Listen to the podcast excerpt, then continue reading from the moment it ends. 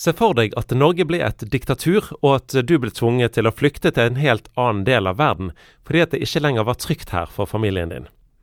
En sånn situasjon var det som brakte dagens Petro-gjest, Margarita Matos, fra Sør-Amerika til Norge da hun bare var tenåring. Jeg er opprinnelig fra Chile. Kom i 86, hvis jeg ikke tar feil. Og pappa kom som politisk flyktning her til Norge, fra Chile. Det var ikke et valg jeg hadde personlig. Jeg var bare 13 år når jeg kom til Norge. Eh, så det var veldig en vond prosess. Men altså, Gud visste jo alt, for vi ble frelst her i Norge. Sånn, så det bare når du tenker på at Tenk at Gud tar deg fra den ene polen til den andre polen, til fra Sørpolen til Nordpolen, for å oppleve frelse. Jeg syns det er helt vidunderlig. Så Norge har blitt eh, en min nasjon. Norge har blitt ikke bare eh, altså min nasjon, men også et sted hvor jeg kan fullføre min hensikt. Mm. Veldig takknemlig. Ja. Men du Margarita, vokste du opp i et kristent hjem eller før du kom til Norge, eller hvordan var bakgrunnen din? Jeg kan fortelle at eh, nå når jeg ser tilbake, så ser jeg at selvfølgelig vi var en gudsfryktig familie. Jeg kan se at nå når jeg tenker tilbake, at vi, på, vi, vi, vi søkte Herren på vår egen måte. Mamma var en sånn som alltid tok oss til den katolske kirke, eh, også for å tenne lys. Og hver gang hun hadde et behov, så, så ba hun til Jomfru Marie. Sånn. Så det var det vi visste. Katolisisme er en del av kulturen. Sånn. Eh, men selvfølgelig, de fleste bare sier 'jeg er katolikk'. Men hun søkte, jeg så at hun søkte, hun hadde behov. Eh, og, og, når vi traff folk f.eks. i byen som evangeliserte, eh, pinsevenner som evangeliserte, eh, mamma ble rørt. Så jeg kunne se at wow, mamma har en lengsel. Sant? Men vi var bare Jeg gikk på nonneskole, så dette med å eh, bekjenne sine synder og, og ta nattvær og alt dette her, ble, alle disse sakramentene ble jo en del av våre liv. Men selvfølgelig som en religiøs eh, type liv, da. Men vi kjente ikke Bibelen, vi kjente ikke til Bibel, ingenting sånn. Men når vi kom til Norge, eh, det var da eh, Det første var å søke til Den katolske kirke. Og plutselig, midt i alt, så er jeg leder for ungdommene, katoliske ungdommer i kirken. Så når jeg ser tilbake, jeg tenker wow, jeg hadde en sånn lengsel at jeg eh, var med og søkte, men jeg må si at jeg savnet jeg savnet den åndelige biten. Det er veldig spesielt. Du er i en kirke, men du savner den åndelige delen. Det er helt spesielt. Eh, liksom det å, det å bli kjent med Gud på ekte, det var noe som manglet. Da Margarita var 17 år, ble hun og moren invitert med på et møte i pinsekirken Tabernakelet i Bergen. Det som var så spesielt, at mamma ville jo gå på det møtet. Hun ble invitert fordi hun, det var en pastor som kom fra, eh, fra Mexico, som skulle tale i tabernaklet. Og det var spennende å høre plutselig noe på spansk. Det var det som var hele greia. Å, meksikansk, ok, vi kan høre på spansk. Og da tenkte jeg ok, ok, vi kan gå der. Og eh, jeg husker jeg gikk sammen med en venninne, fordi mamma ville så gjerne at jeg skulle være med. Ok, mamma. Men vi tenkte inni oss Vi vet at på disse pinsemenigheter, de ber for folk. Vi må bli enige at vi skal ikke la noen be for oss. så på en måte det var veldig spesielt, for vi satt bremsen på før, eh, før vi skulle gå inn, og vi tenkte nei, vi, jeg er bare her for å være liksom snill med mamma, men eh, vi bare sitter der og hører, men vi skal ikke la noen be for oss, eller vi, vi bare skal bare være der. Men det var så spesielt for når den mannen begynte å tale og liksom pekte med fingeren og, og var så begeistret og levde seg inn i budskapet. Jeg kunne ikke Altså, Gud talte til meg. Jeg følte at Gud talte til meg. Jeg plutselig Midt imellom talen så var jeg til og med litt sint på mamma, for jeg tenkte mamma har sikkert snakket med denne mannen og fortalt litt om meg. Det ble så personlig for meg. Og det var litt spesielt, for jeg så ved siden av min, min, min venninne. Hun også var rørt. Men vi begge to ville liksom ikke vise dette. Men det var så sterk, selve budskapet. Guds nerver var så sterk, og jeg følte at alt rundt meg forsvant. At når, til, når møtet var ferdig, og pastoren sa er det noen her som vil gi sitt liv til Jesus Vi to var de første som løftet fram. altså, og, det, og, fra den dagen så har livet vært en fantastisk eventyr, en fantastisk eh, vandring. Eh, en, herlig liv sammen med Jesus. Så jeg takker Herren for den dagen, og jeg takker Herren for Han tok meg til Norge for å bli kjent med Jesus. Altså, det var Da skjønte jeg forskjellen mellom religion og og et liv med Jesus, et forhold med Gud. Men også jeg kjente jo såpass nøye på alle disse sakramentene og alle disse tingene. For eksempel, jeg husker konkret når jeg hadde den første kommunen, som de kaller det. Første gangen du får lov å ta nattverd i den katolske kirke. Eh, de sies at på den liten kasse, en liten sånn hus på en måte som de har foran der med eh, alter Når eh, lyset er rød, da er liksom Guds nerver der. Da er Gud der. Skjønner du? Så jeg husker når jeg tok nattverdene første gangen i, i, Chile. Jeg så bare Mine øyne var festet på det lille huset og tenkte Jesus er her. Så for meg var det overveldende.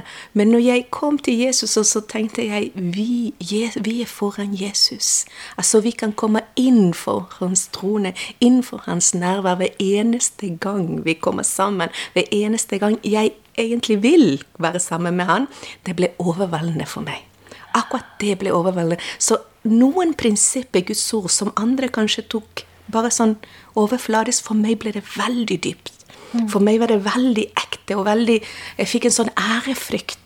Så den samme ærefrykt, eller enda sterkere selvfølgelig, som du får når du går inn i kirken, at du må nesten eh, eh, gjøre mange ting, liksom bøye deg og sånn. Jeg fikk det, men i hjertet. Så hver gang jeg kommer til kirke, hver gang jeg kommer til gudstjeneste, jeg har samme ærefrykt. Her er det hellige sted. Her er Jesus sammen med oss. Og det savner jeg også litt mer blant kristne. Sant? At vi får den ærefrykt. Eh, liksom at vi, når vi er sammen, og Gud er der, det er noe stort. Det er noe vidunderlig. Og det, det at jeg trengte ikke lenger å bekjenne mine synder for prester. For det, gjorde vi hver fredag når skolen var ferdig. Så hver fredag hadde vi som eh, Hva skal jeg si At vi skulle gjøre dette, da. Men det når du kom til Jesus og skjønte åh, han har frelst meg, han har tilgitt meg, og jeg trenger faktisk ingen mellommann. Jeg kan komme til han når som helst. De, alle disse sannhetene ble så stor for meg. Så min den lengsel og den sulten etter Herren var der hele tiden, og er der fremdeles. Enda sterkere, fordi jeg kjenner behovet for Han. Og det har jo holdt i veldig mange år. Du er jo ikke 20 lenger, Margarita. så du driver menighet og står på for Jesus hele tiden? Hele tiden. Og faktisk så var ikke det eh, Jeg ventet ikke lenge for å gå eh, helt eh, fullt i tjeneste for Herren. For jeg, jeg ble frelst som sagt når jeg var 17, eh, men når jeg var 19 år da følte jeg et stor kall fra Herren i mitt liv. Jeg husker at jeg var ferdig med videregående, skulle på universitet. Blant annet så ønsket jeg veldig å, å studere samfunnsvitenskap. For meg samfunnet, det å påvirke samfunnet, ble veldig viktig. Eh, men så fikk jeg begynte jeg å få noen drømmer fra Herren. Veldig sterke drømmer om å, eh, hvor Gud sa 'Elsker du meg? Elsker du meg?' Da ta vare på mine. Ta vare på mine sauer, ta vare på mitt folk. Og, og de, disse drømmene var så sterke at det, det, gikk kanskje en uke, jeg klarte ikke å sove. Det var for, Formidla dette til mine foreldre, og så sa jeg, vet du hva, jeg tror at Gud holder på gale på meg. Eh, at jeg klarer ikke å sove, og jeg må nesten bare svare til Herren. Jeg tror at Gud vil at jeg skal tjene Han og ta vare på det som er hans. Eh, så istedenfor å gå til universiteten, eh, så sa jeg ja. Jeg sa ja til Herren og gikk inn på bibelskole det året. og og var veldig fort i, min eh, avgjørelse. Tok kontakt med et sted hvor jeg kunne leie, og begynte å samle folk. Og så sa til pappa og mamma tro, eh, Mamma og pappa sa vi tror etter Herren. Du er vår pastor. Vi tror at du, Gud har reist deg opp, og vi underordner oss deg. Vi er dine første sauer. Og når de sa det, da var det ingen vei tilbake, for da skjønte jeg Gud bekrefter dette til meg. Sant? Eh, så jeg, jeg, sa til Herren eh, i alt det, det, jeg visste da, sa Herren, hvis dette er ditt, så ønsker jeg å se frukter. Så vi begynte å evangelisere, og det første uke så kom det en familie, andre uken en annen familie. Og så plutselig var vi 70 personer. Som, og så snakket jeg, husker, med, med pastoren i, i i tabernaklet på den tiden, Ystebø, og han Osvald. Og han, han, støttet meg. Det var så skjønt. Han støttet meg, han trodde på det kallet. Jeg vet ikke hvordan jeg snakket, hvilken lidenskap jeg visste, at han bare trodde på meg. Og han sa ja, du får leie her. Så jeg fikk leie der ved søndag, og ikke bare det, men jeg fikk muligheten til å ha radioprogram der. Så jeg drev med radioprogram lenge på Radio Tabernaklet. Og det var sånn begynnelse på tjenesten når jeg var 19 år. Så Gud, det var ikke uten grunn han sendte dere til Norge fra Chile og møtte deg så sterkt, både deg og hele familien din.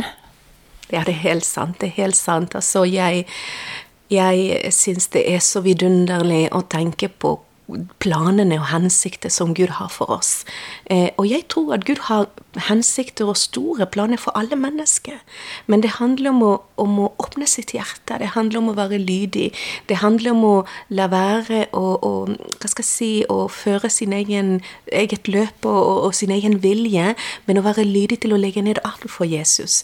Og det kostet meg. Det kostet meg kanskje en karriere, det kostet meg andre ting, men altså det jeg fikk tilbake. Å, det livet Jeg hadde, altså, jeg hadde tatt samme valg om igjen og om igjen. Det hadde jeg.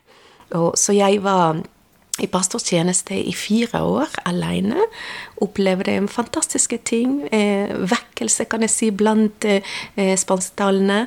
Eh, jeg fikk et, en, en, konkret byrde for dem på det tidspunktet. Jeg så at det var mange som hadde reist fra Chile og andre land i, for, i forbindelse med diktatur.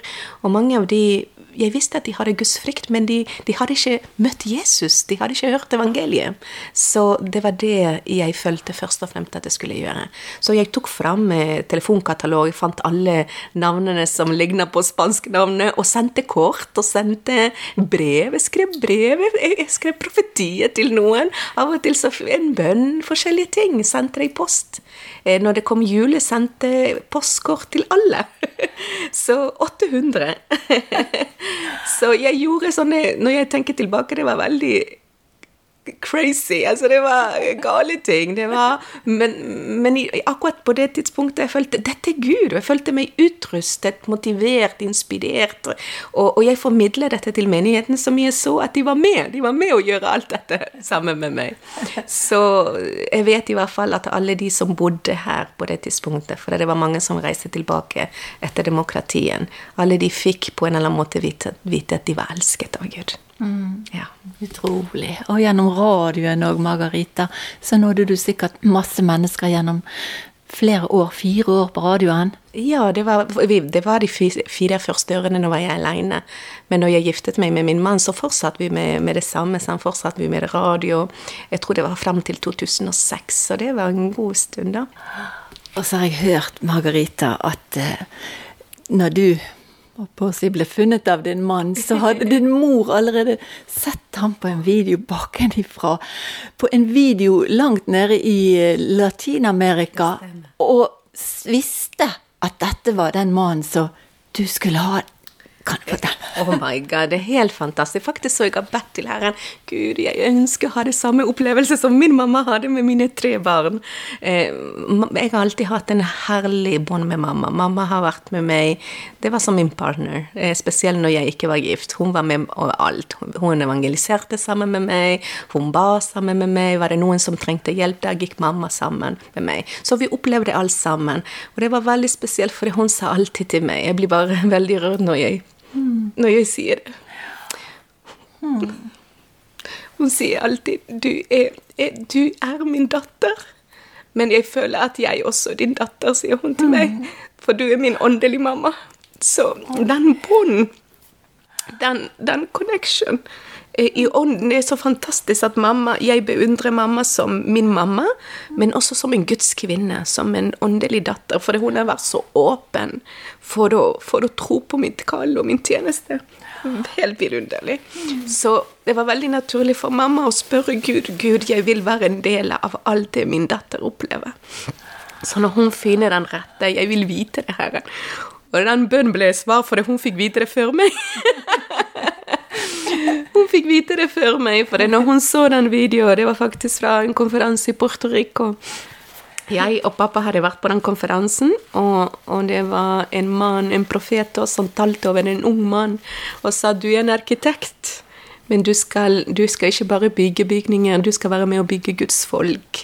Eh, en fantastisk profeti. Og du kunne bare se ryggen på denne personen, på den unge mannen, og mamma kjente i, i, med en gang Åh, det stakk noe i hjertet. Hun tenkte det er denne mannen. Oh my god, jeg bare vet at det er denne mannen min datter skal gifte seg med. Hun skjønte det. Hun, hun, sa ingenting til meg, for hun var veldig forsiktig og ikke påvirke mine avgjørelser. Eh, hun ville ikke si noe som kunne være med og på en måte påvirke meg sånn. Eh, dette var altfor viktig. Så hun bare ba Gud eh, neste gang de skal treffes, jeg vil være med på den reisen. Det, og det skjedde. Det var i Mexico. Mamma og pappa var med på den reisen, og de var vitne til alt dette. At han kom til meg og sa at han ville ikke bare være kjæreste med meg, men gifte seg med meg. en eh, herlig, herlig opplevelse. Så jeg eh, Altså, Gud, når du ber, han svarer. Ingen tvil om det. ja. Dere er pastorpar her i Norge og har og driver to menigheter både i Oslo og Bergen, og står på og brenner for å nå ut evangeliet her i Norge. Absolutt. Altså, dette er altfor verdifull eh, for at mennesker ikke skal oppleve det. Altså, jeg tenker hvor mange Norge er en rik land. Eh, vi mangler jo ingenting sånn sett fysisk, eh, men det er så mye fattigdom på andre områder. Eh, folk går sulten når det er mat i Guds rike. Folk går naken når de kan få kle seg i Guds, kle seg i Guds kjærlighet i, i, i Kristus. Altså, det, eh, det, er mye behov i, det, i dette landet og vi brenner for å, for å nå mennesket med Guds kjærlighet, først og fremst. Jeg tror det er mm, den kjærligheten som skal gjøre at folket skal åpne sitt hjerte for Gud. Mm. Det er ikke et møte med religion. det er ikke et møte, altså De trenger ikke et møte med en kirke engang, eller en menighet. De trenger et møte med Jesus. Eh, og det er, det er, det vi brenner for. Og vi ønsker å vise at dette er ekte, først og fremst i oss. Mm. Og jeg vet jo det at eh, folk som snakker om menigheten, deres troens ord, de snakker om den kjærligheten som eh, preger veldig sterkt menigheten deres. Kjærlighet i handling. Ja, det altså det er, jeg tror det er kjempeviktig å formidle dette, for essensen av hvem vår Gud er, han er jo kjærlighet.